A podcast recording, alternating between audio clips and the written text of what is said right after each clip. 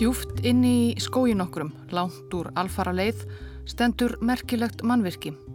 Það er neðanjörðar byrgi grafið inn í grasivaksin hól, vekkir og ingangur hlaðnir úr stórum trébjálkum. Það fellur svo velin í umhverfið, þarna í Rútninga í skóginum um 30 km frá Vilnius, höfuborg Litáin, að maður geti auðveldlega mist af því, ætti maður af einhverjum ástæðum leið þarna framhjá.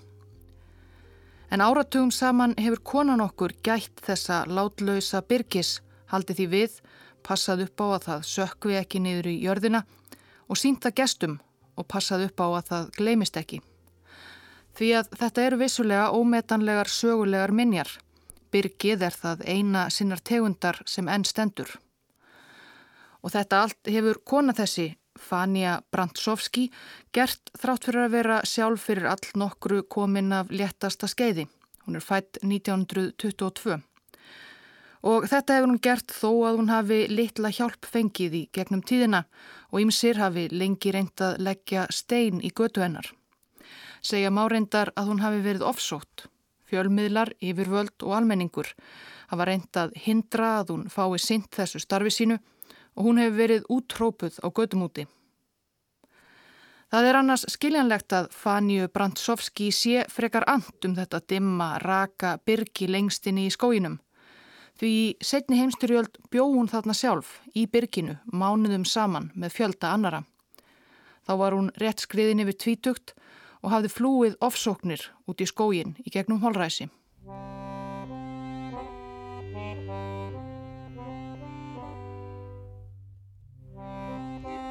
Við skildum við sögu geðingana í Vilnu, Vilnius í Litáen, í síðasta þætti 23. september 1943.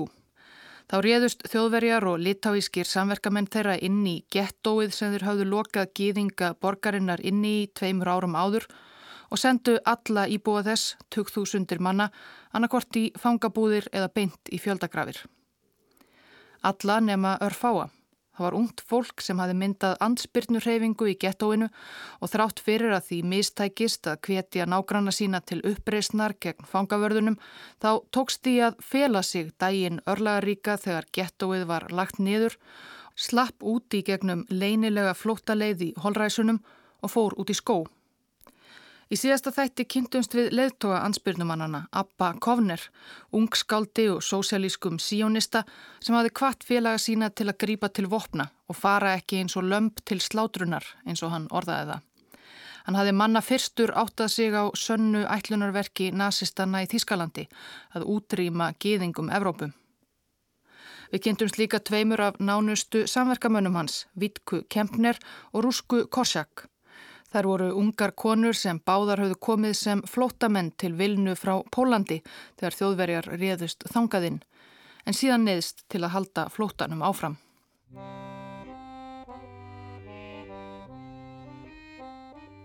Lengra og lengra í burtu liggur borgin. Líka með hennar er enn volkur, bjöllutnar klingja. Ég hef aldrei áður séð borg liggja á bakinu eins og sært ross sem fálmar út í loftið með hófunum og stendur ekki á fætur. Bjöllutnar klingja, borg, borg. Hver flitur útfararæðu hennar? Þegar íbúarnir eru dauðir og hinn er dauðu lifa í hjartamanns. Úr ljóðabálkinum Littla sýstir mín eftir Abba Kovner. Við fórum inn í skógin og vorum umkring dresavöksnum, furutrjám og þinum. Það var svo rólegt og hátílegt, eins og í hofi, kvílik fegurð. Rakel Margólis var tæplega 22 ára þegar hún fór úr gettóinu og út í skógin með hinnum ungu ansbyrnumönnunum. Þetta er úr æfuminningum hennar. Og kvílik frelsist tilfinning. Nazistanir gætu ekki náð okkur hérna. Þetta voru bara við, okkar fólk, skæruleðanir. Í gettóinu letum við okkur dreyma um að losna úr prísundinni, binda enda á niðurlæginguna, að komast út í skógin. Þau voru um 90 talsinn sem slupp úr gettóinu 23. september 1943. Einhverjur höfðu flúið inn í rútninga í skógin fyrr. Saman mynduðu þau nokkrar óformlegar hersveitir sem annars heyrðu undir kommunískar skæruleðasveitir sem höfðu verið þarna í skóginum miklu lengur og nutu stuðnings sovjetmanna í baráttu sinni við þjóðverja. Abakovner var sjálfskeipaður forsprakki geðingana í skóginum. Hann var ennaðins 25 ára en eins og áður sagði þá var hann fættur leðtogi, reif fólk með sér. Fyrstu dagana eftir flóttan sváfu ungmennin á jörðinni undir trjánum á kaldri og votri jörðu með fátt til að skíla sér fyrir veðri og vindum annað en eigin yfirhafnir. Það var nokkuð erfitt fyrir borgarbörnin jafnvel eftir vítisvistina í gettóinu. Síðar þegar leiðað vetri fór þau að byggja skíli og byrgi eins og neðanjarðar byrgið með bjálkaveggjunum sem enn stendur og Fanja Brandsovski hefur síðan gætt alla sína æfi. Það er eina geðingabyrgið sem enn stendur í skóum Litáens. Ungu ansbyrnumennindir heldu sig langt inn í skóginum til að óvinnurinn ætti erfiðara með að finna þau. Ekkert okkar fættist ansbyrnumadur eða skæruliði. Við yrðum að læra allt í jafn óðum. Við vorum bara hópur af ungu fólki, nýfluttað heimann frá foreldrum okkar. Við vorum vopnabræður. Í skóginum mynduðu við nýja fjölskyldu, bundin saman á okkar sameinlegu örlugum, þjáningum okkar og flakki og deildri reynslu. Sér til viðurværis í þessum erfiðu aðstæðum stáluðau meðal annars matvælum og greipum frá litáískum og pólskum kotbóndum í nákrenni skóarens. Það var þeim aldrei ljúft verk en nöðsynlegt. Þau reyndu að koma þó fram eins drengilega og þau gátu, tóku bara ítrustu nöðsynjar, kjött og kartublur og kveiti og skildu alltaf eitthvað eftir, tóku aldrei allt. Það voru allavega reglurnar og óhlýðnaðis maður þeim mátti maður búast við refsingum. Abba Kovner reyndi að halda uppi aga og siðferði eftir fremsta megni. Það gekk þó ekki alltaf.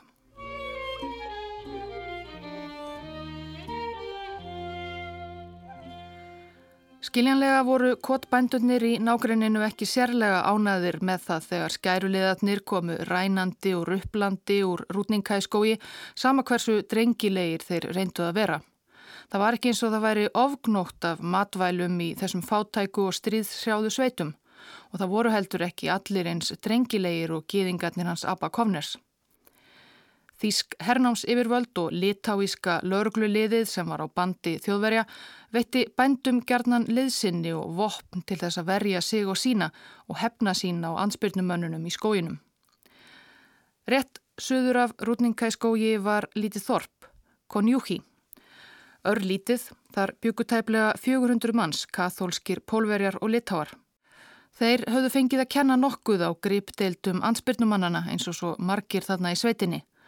Og með hjálp hernáms yfirvalda höfðu þorpsbúar vígbúist og vígirt þorpið að einhverju leiti. Reyndar ber mönnum ekki saman um það í dag hvað nákvæmlega gerðist svo í Konjúki 29. janúar 1944. Eitthvað gerðist sem enn í dag er deiluefni úr skýslu litáísku lauruglunar. 29. janúar 1944. Saksum morgun riðust 150 ræningar, rússar og gýðingar, vopnaðir einni stóri vélbissu, þremur léttari vélbissum, skambissum og handsprengjum á þorpið Konjúhi. Þorpið var brent til grunna, fólk var drepið og greipum slátrað, 35 fjallu og 15 slösuðust. Rúska Korsak kom til Vilnu sem flóttamaður frá pólskum heimabæ sínum 19 ára og var þein af forsprökkum ansbyrnurhefingarinnar í gettóinu. Hún skrifaði síðar Þorpið var stórt og víkirt.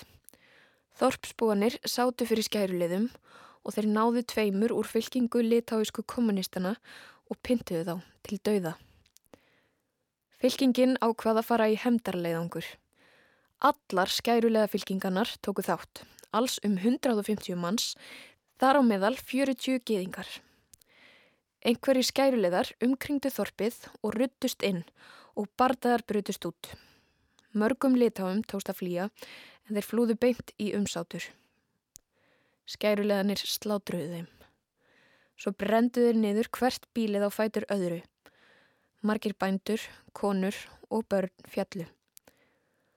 Bara örfáum tókst að bjarga sér. Þorpi var þurkað út af yfirborði jarðar. Margir gýðingarna sem tóku þátt snýru aftur í áfalli. Þunglindir.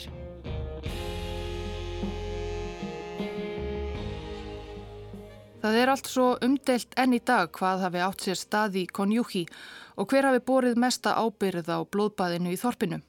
Var þetta grimdarlegt fjöldamorð skæruleðana í skóinum?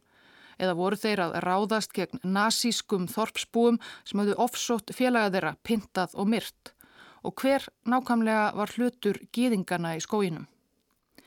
Það var ekki fyrir en 60 árum síðar, 2004, sem reynd var að fá einhvern botn í málið.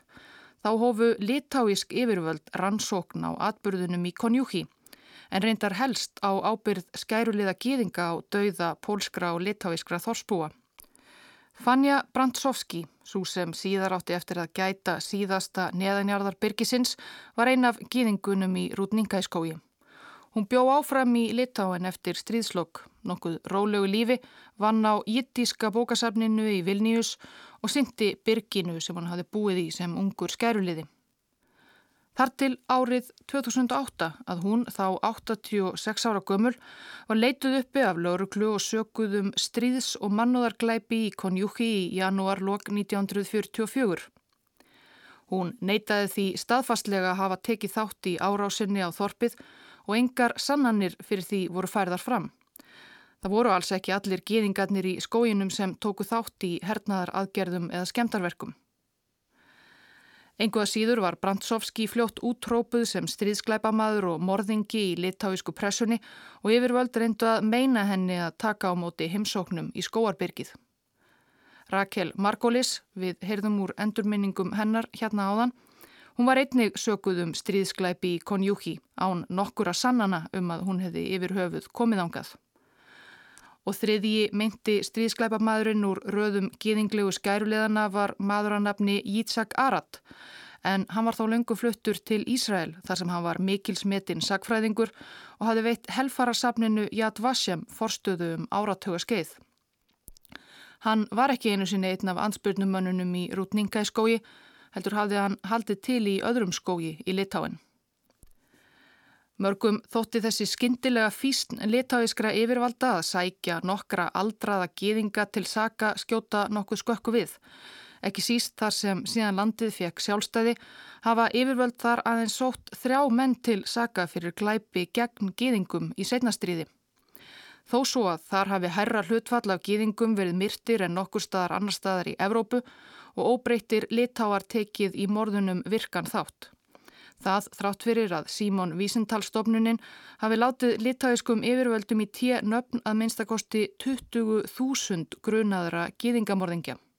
Nei, líkt og í grannríkinu Pólandi hafa stjórnmálamenn, sakfræðingar og skrýbendar heldur verið uppteknir við að sanna það að kristinn almenningur hafi þjáðust nákvæmlega jafn mikið ef ekki meira en gýðingarnir og gýðingarnir hafi ekki verið alls saklausir heldur, raunar kannski bara verstu morðingjar eins og þjóðverjarnir. Þetta er deila sem logar enni báðum löndum og víðar um Evrópu og verðist bara verða hatramari með árunum. Það varð á endanum ekki dúr ákærunum á hendur Fanju Brandsovski, Rakel Margolis og Yitzhak Arad en það sannanirnar engar Líklega lágu þau bara best við höggi sem eldstu eftirlifandi litáísku gýðingarnir sem tóku þátt í ansbyrnunni og málið fjaraði út. En þó, sérilagi Fania Brandsovski er enn eins konar gríla í augum margra litáískra þjóðurni sinna og skipulaðir eru reglulega sérstakir mótmælafundir gegn henni há aldraðar í konunni. En hún lætur það ekki mikið á sig fá eins og hún sagði í viðtali við dagbláð nokkuð þegar ásakanirnar á hendurenni byrtust fyrst 2008. Ég hef barist einu sinni og ég get vel gert það aftur.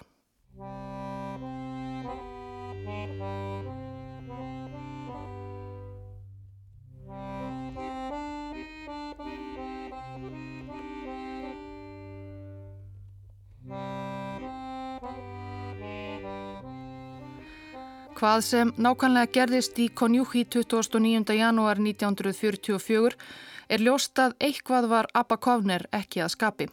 Eftir ágekkan á milli manna sinna sem tóku þátt í aðgerðinni og átti við þá orð. Hann sagði að við værum vissulega skæruleðar en fremst af öllu gýðingar og við dræpum ekki eins og þjóðverðnir gerðu. Við erum reyðið hann, skáldið sem varðað stríðsmanni, sem var að reyna að breyta okkur í einhverja skáta með hugmyndum sínum um siðferði í stríði. Við vorum ung og æst, við höfum mist allt og vildum ólum hefna okkur á litáum. Þegar ég horfið tilbaka, hafði hann auðvitað rétt fyrir sér. Við höfum gengið of langt.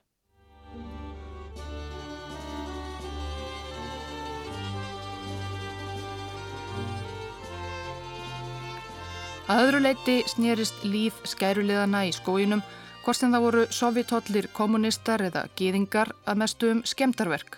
Þeir fóru út og skáru fjarskiptalínur að næturlegi og komu fyrir sprengjum á játbrutateinum. Að auki fóru gýðingarnir í leiðangra að vinnu og fangabúðum í nákrenninu þar sem bræður þeirra og sýstur voru geimt og reyndu að smikla fólki út. Þannig fjölgaði ört í hópi gýðingana í skóginum veturinn 1943 til 44. Þar til í rútninga í skógi höfðust við eitthvað á bylunu fjögur til 500 gýðingar, konur og karlar, unglingar og börn. Þau hýrðust í rökum og köldum neðanjarðar byrgjum eins og því sem Fania Brandsovski gætir nú. Tugir í hverju litlu byrgi, hver ofan í öðrum. Átu það litla sem þeim tókst að stela af bændunum í nákrenninu. Þóðu sér svo gott sem aldrei. Gýningunum kom ekki alltaf vel saman við hýna skæruliðana í skóinum sem voru upp til hópa litáískir og pólskir kommunistar.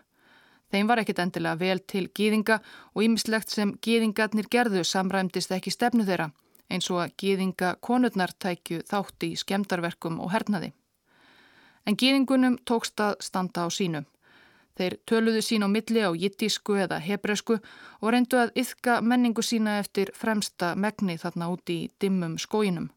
Á kvöldin sungu ungmennin baróttu söngva við varðeldin. Abba Kovner skrifaði síðar. Við snarkandi eldin umkringdir fjandsanlegum framandi skóinum fóru skærulegarnir, skítugir, skeggjaðir og lúsugir skindilega að syngja látt. Söngvarnir færðu okkur strax þangað til heimkina okkar sem ekki lengur voru til.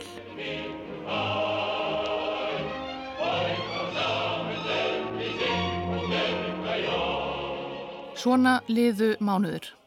En svo kom að því að drunur í fallbissum og sprengjum yfirgnæfðu söngin í skóinum og snarkið í eldinum. Það var þá komið sumar, júlibyrjun 1944, næri ár síðan gýðingarnir úr gettóinu flúðu frá Vilnu og fóru út í skójana og rauðiherrin nálgæðist óðfluga. Abakovner, Vítka, Kempner, Rúska, Korsak og hinnir skæruliðarnir sáu í hendi sér að það gæti ekki verið langt í að heimaborg þeirra fjalli í hendur Sovjetiríkjana. Þau fóru að búa sig til brottfarar.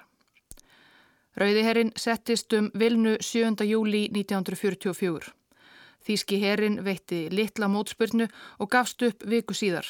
Gýðingarnir voru þá komnir út úr skóinum og fylgdu sovjesku hermönunum inn í borgina. Hún var ítla farin, borgin sem þeir hafðu skilið við minna en ári áður, Jérúsalem, Evrópu. Byggingarnar mikið skemdar og hún var næsta mannlaus, gettóið sérstaklega. Þar hafðu jú lang flestir íbúarnir verið fluttir til útrýmingar annar staðar. Shemi, Katsin, Varnacht, 17 árum síðar, 1961, í henni raunverulegu Jérúsalem var Abakovner vittni við réttarhöldin frægu gegn nazista fóringjanum Adolf Eichmann, arkitekt helfararinnar og lísti þá meðal annars hvernig það var að koma aftur til heimaborgarinnar. Ég og félagar mínir vildum fyrst og fremst komast til borgarinnar okkar. Hvað get ég sagt? Ég sá eigðimörku veggja og mannlausra stræta. Skindilega hljóp kona upp að okkur. Hún helt á lítilli telpu. Fyrst staðnæmtist hún og eftir reyndi að fela sig. Það er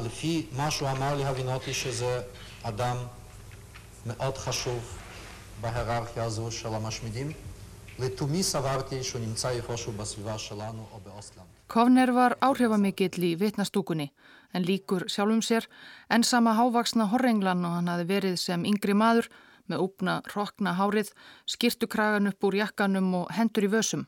Vitnisspurður hans tilþrefa mikill og ljóðrætt. Nokkur okkar voru klætti í þíska herbúninga.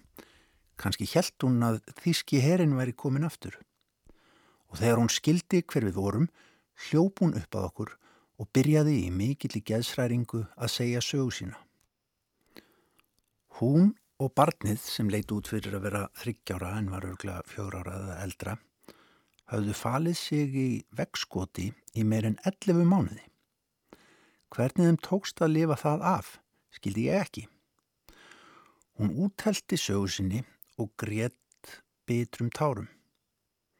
Þá saði barnið í örmumennar sem hafði virst vera málaust.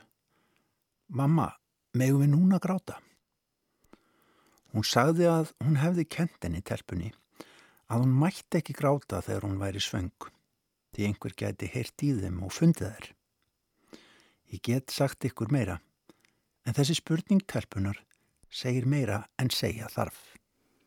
En það voru bara örfáir gýðingar sem höfðu komist af, náða fela sig og lifa af í 11 mánuði. Ungu ansbytumennir Abba Kovner, Rúska Korsak og Vítka Kempner ráfuðu til og frá um einmannaleg fyrrum heimkynni sín.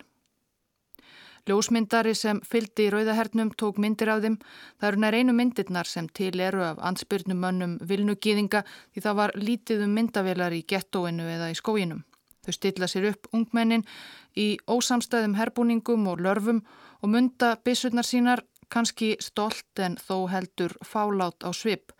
Þau voru sigurvegarar en heimur þeirra var enguða síður horfin. Nær allir sem þau þekktu voru farnir að eilífu ættmenni og vinir. Ég fór ekki að gá hvort einhver úr fjölskylduminni væri enn á lífi. Ég vissi að það væri engin að leita að. En samt? Í marga, marga daga, mánuði og kannski jafnvel ár, í draumi og vöku, bjóst ég enn einhvern veginn við því að finna þau sem ég unni mest á lífi. Þau sem ekkert benti í raun til að hefðu komist af en einhvern veginn sætti maður sig aldrei við það. Engin getur skilið hegðun og gjörðir þeirra sem lifðu helförina án þess að skilja þá umurlegu spennu. Einn af skriðdrega fóringum Rauðahersins í árásinni á Vilnu var rúsnenskur gýðingur, Jóna Deggen. Hann gekk líka stefnulöst um tómstræti gettósins þennan dag. Hann helt svo að hann væri að heyra ofhyrtnir þegar hann heyrði út úr þögninni í fólki að tala jittísku. Hann hafði ekki heyrt mælt á jittísku árum saman. Tungumálið hljómaði eins og beint af himnum ofan, fannst honum. En vissulega ekki langt undan stóð hópur fólks, larva klætt og skítugt og rappaði á tungumálinu sem einu sinni hafði einkjent þröng stræti vilnu en var nú hljóðnað. Skriðdrega fóringin Jóna Degen gæti ekki annað en faðmað einn úr hópnum að sér. Það var ungur hávaksin maður með úfið rokkið hár. Sá sagði sjálfur gladbeittur að það liti að vera sending frá drottni að jittísku mælandi gýðingur og skriðdreka hefði komið að frelsa borgina hans, Jérúsalem, Evrópu. Jóna Deggen sá þennan unga mann aldrei aftur og komst ekki að því hver hann hefði verið fyrir en 17 árum síðar þegar hann sá myndir af honum í vitnastúkunni á ækman réttarhöldunum, hávöksnum en með sama hrokna hárið og hendur í vössum. Þetta var Abba Kovner og hann var kominn til Jérúsalem.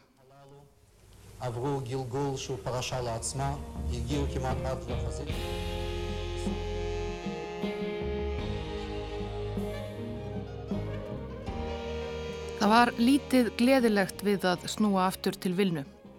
Á síðustu dögum gettósins þegar ljóst var að ekki dyrði úr uppreysninni sem hann hafi skipulagt, hafi Abba Kovner fallið í þunglindi og ætlaði að svifta sig lífi. Vítka Kempner, vinkona hans, talaði hann af því. Núna þegar hann settist á tröppunar fyrir utan húsið sem einu sinni hýsti fjölskyldu hans, heldust sumu tilfinningar yfir hann aftur. Til hvers að halda áfram.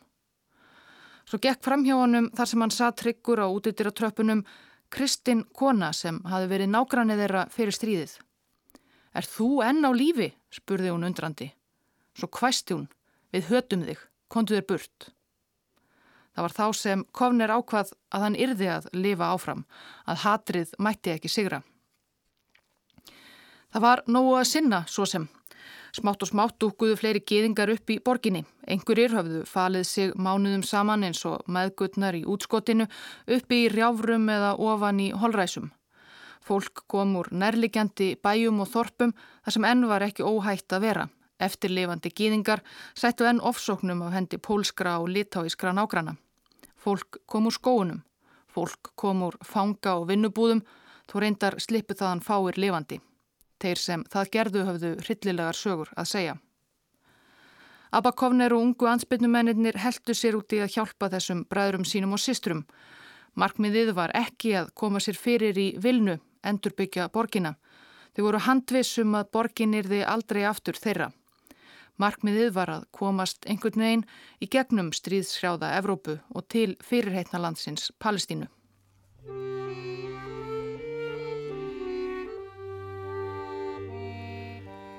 Það eru margar sögur sem segja mætti úr gettóinu í Vilnu. Borgin hafi verið kölluð Jérúsalem Litáens, Jérúsalem Evrópu, ekki síst vegna þess að þar voru sínagókur og skólar og bókasöfn sem gemdu ómetanlega fjársjóði, fræða og menningar. Á dögum gettósins hafi hópur geðinga einsett sér að reyna að bjarga eins mörgum bókum, handritum og skjölum úr klóm þjóðverja og þau gætu. Því nazistannir vildi ju ekki bara tortíma gýðingum Evrópu, heldur einnig menningu þeirra. Í þessum hópi sem kallaði sig Skjálaflokkin voru meðal annars Rúska Korsjak og Mikael Kovner, yngri bróðir Abba. Í gettóinu hafði þeim tekist að fela all mikið af handritum, biblíum og skjölum fyrir nazistunum en þegar þau snýru aftur eftir að borgin fjall var ansi mikið af því horfið. Sumar leinilegu skjálageimslutnar höfðu verið sprengtar í loft upp eða brunnið Aðrar höfðu nazistar fundið. Svo höfðu aðframkomnir íbúar gettósins brent bækur og blöð sér til hita yfir veturinn. Kovner og félagar gerðu það nú að forgangsatriði að leita uppi það sem hafði varðvist og sapnaði saman. Það var allt nokkuð þrátt fyrir allt og í gamalli hörleiri byggingu í gettóinu komu þau upp því sem þau í nokkur í bjart síni nefndu gýðingasögusapn vilnu. Markmiðið var þó alltaf það sama að koma dýrgripunum burt í örugt skjól.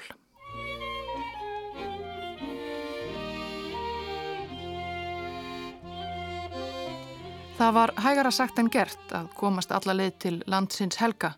Það var enn stríð, Evrópa var sundur klófin millir sovjetmanna, breyta og bandarækjamanna og þjóðverja þar sem þeir tórðu enn og landamæri voru á sífældu reiki að opnast og lokast og víða gætt verið hættulegt fyrir geðinga að ferðast um. Í november 1944 fyrirskipaði Abba Kovner rúsku Korsak að yfirgefa vilnu og finna leið fyrir flótta fólk að komast til Palestínu. Rúska hlíti, fólk hlíti yfirleitt alltaf Abba Kovner. Það tók hana tæpan mánuð að brjóta sér leiðina til Búkarest. Þar hitti hún fulltrúa gýðingasamfélagsins í Palestínu, þar bjóð þá þegar um hálf miljón gýðinga sem ákvaðað senda hana með næsta skipi yfir miðjarðarhafið til landsins helga. Það var heldur ekkert sjálfsagt að þó að evróskum gýðingi tækist að stöylast alla leiðað strönd miðjarðarhafsins að hann kæmist svo yfir hafið. Palestína var á valdi breyta og breytar höfðu bannað flutninga gýðinga á svæðið en þeir fundu sér einhverjar leiðir. Þegar Rúska Korsak kom til þess sem síðar varð Ísraelsríki í áslokk 1944 var hún með fyrstu evrósku gýðingunum sem vittnuðu ofinberlega fyrir félaga sína þar um hvað þau höfðu þurft að þóla á strísárunum. Hún vakti aðtegli enda áhrifamikill ræðumadur með áhrifamikla sögu að segja. Þú reyndar talaði hún bara jiddísku sem var umdelt í hennu nýja Ísrael þar sem allir áttu að tala hebresku ekki þetta gamaldags hrognamál frá gamla heiminum. Frækt er að eitt sinn hafi leðtogi gýðingana í Palestínu, David Ben Gurion, hlýtt á rúsku og snögg reyðist þegar hann heyrði að hún mælti bara á jettísku. Þó var jettíska hans eigin móðurmál.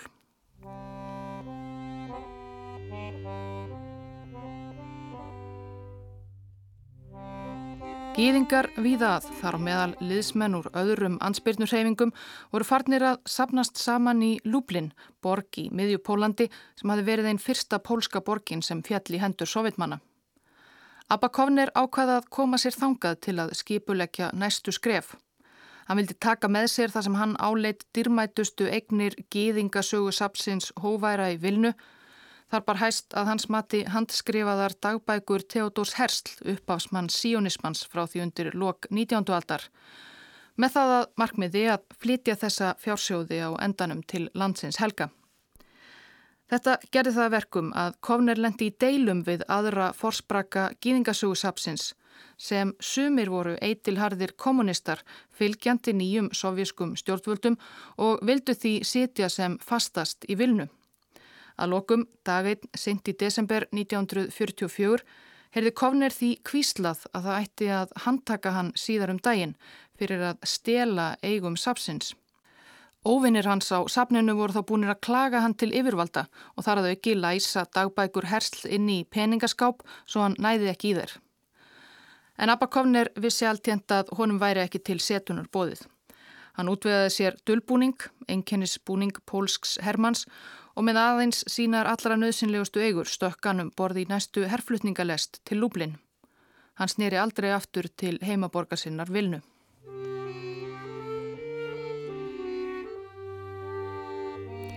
Í Lúblin fann Kovner nokkuð fjölmönd samfélag gýðinga og þar á meðal voru all nokkrir sem deildu skoðunum hans að gýðingum væri engin framtíð búin í Evrópu, að það væri bara tímaspursmál hvenar önnur helfur myndi dinja á þeim því erðu þeir að komast í öruka höfn. Það væri ekki til neins að byggja aftur ofan á gravreit eins og þau orðuðu það. Meðal þeirra sem Kovner komst í kynni við í Lúblin voru ansbyrnumenn úr gettóinu Mikla í Varsjá sem var frelsuð úr klóm nazista í janúar 1945. Það voru tilfinningaþrungnir fundir þegar gýðingar frá Vilnu og Varsjá báru saman bækur sínar.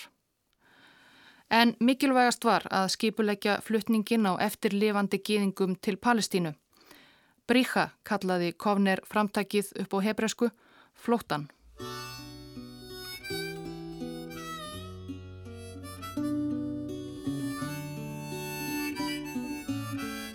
Ekki leið á löngu þar til vopnasistir Kovnes frá Vilnu, Vítka Kempner, kom sér líka til borgarinnar. Vítka sem hafi framið eitt fyrsta skemdarverkið gegn þjóðverjum í Vilnu. Þau Abba og Vítka voru þá orðin ansi náinn, raunar meira en bara baráttufélagar. En allt slíkt máttu býða því í mars 1945 lögðu þau af stað á samt fjölda annara í N1 leiðangurinn til Búkarest. Þar voru áfram fulltrúar gýðingasamfélagsins í Palestínu. Þeir höfðu komið rúsku korsak yfir hafið en þegar áreyndi reyndust þeir ekki sérlega hjálplegir. Söðust bara geta útvegað fari yfir hafið fyrir örfáa, þá eldstu og yngstu og veikustu. Ekki þær þúsundir eftirlifandi gýðinga sem Kovner vildi Olmur koma til Palestínu. Í Búkarest hittu Kovner og félagar líka í fyrsta sinn fólk sem komist hafi lífsaf úr útrymingabúðunum í Ásvits. Jáfnvel í þessum félagskap þar sem allir höfðu þurft að þóla mörg ára af ofsóknum og stríði, voru þeir eitthvað alveg sérstakt, greinilega í algjöru áfalli og ójapvægi. Þeir voru fimm og höguðu sér sumpart eins og þeir væru enni í útrymingabúðunum. Allir neituðu að klæðast öðru en gömlu röndóttu fangabúningum sínum. Þeir sáðust hvortið er vera döðir. Að hitta þessar sárþjóðu sálir hafði djúb áhrif á Abba Kovner.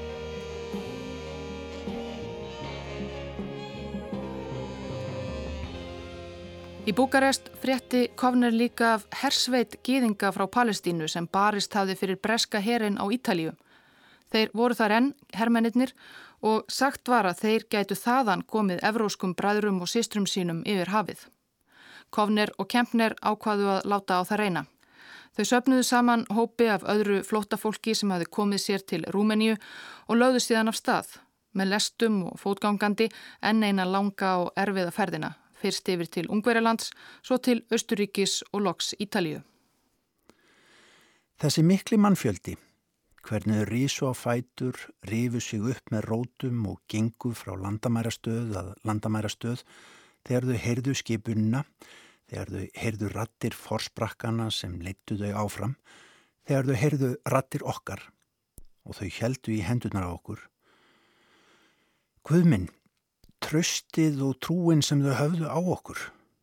Þau litu á okkur af hotlustu, undrun og ást og hlýtt okkur og fyldu hvert sem við fórum. 8. mæ 1945 gáfust þjóðverjar upp og setni heimstyrjöldinni lauki í Evrópu. Þá voru Abba Kovner og fylking hans engur staðar á ferðinni. Þau komu til Ítalíu í júli.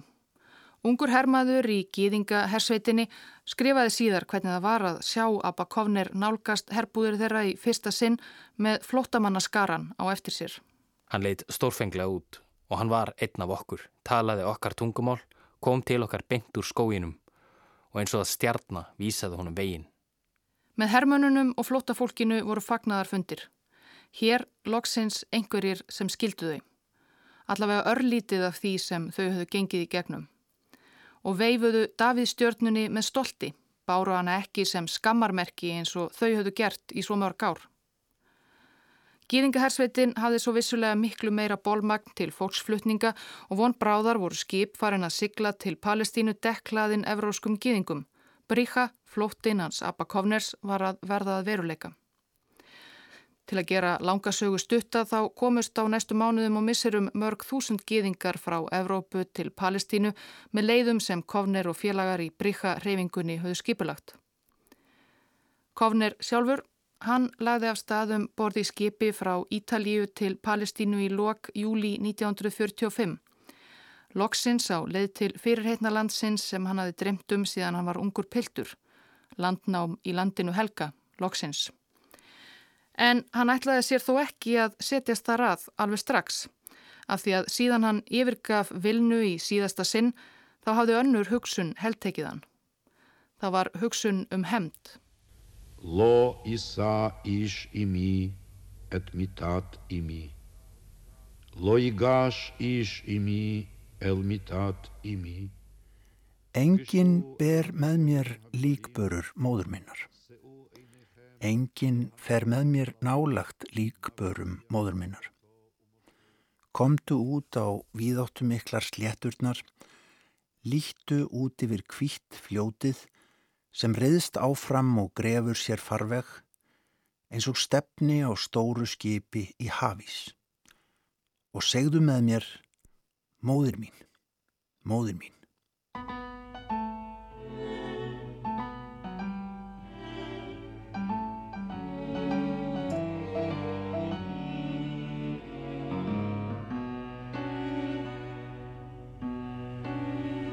Sag nicht kein Mal, als du gehst dem letzten Weg. Himmeln bleiene verstellen blaue Tag. Kommen wird doch unser ausgebänkte Schor. Sveta poikt an unser Trott, mir sennen do. Kommen wird doch unser ausgebänkte Schor. Sveta poikt an unser Trott, mir sennen do. Von grünem Palmenland bis Land von weißen Schnee. Wir kommen on mit unser Pein, mit unser Weh. Ohne wo gefallen ist ein Spritz von unser Blut. Sprotzen wird dort unser Gewurre, unser Mut. Und wo gefallen ist ein Spritz von unser Blut. Sprotzen wird dort unser Gewurre, unser Mut. Es wird die Morgensonn begilden uns dem Heind Und der Nächten wird verschwinden mit dem Feind. Nur halb versammeln wird die Sonne und der Kajor. Wie ein Parol soll gehen das Lied von Dor zu Dor. Nur halb versammeln wird die Sonne und der Kajor. Wie ein Parol soll gehen das Lied von Dor zu Dor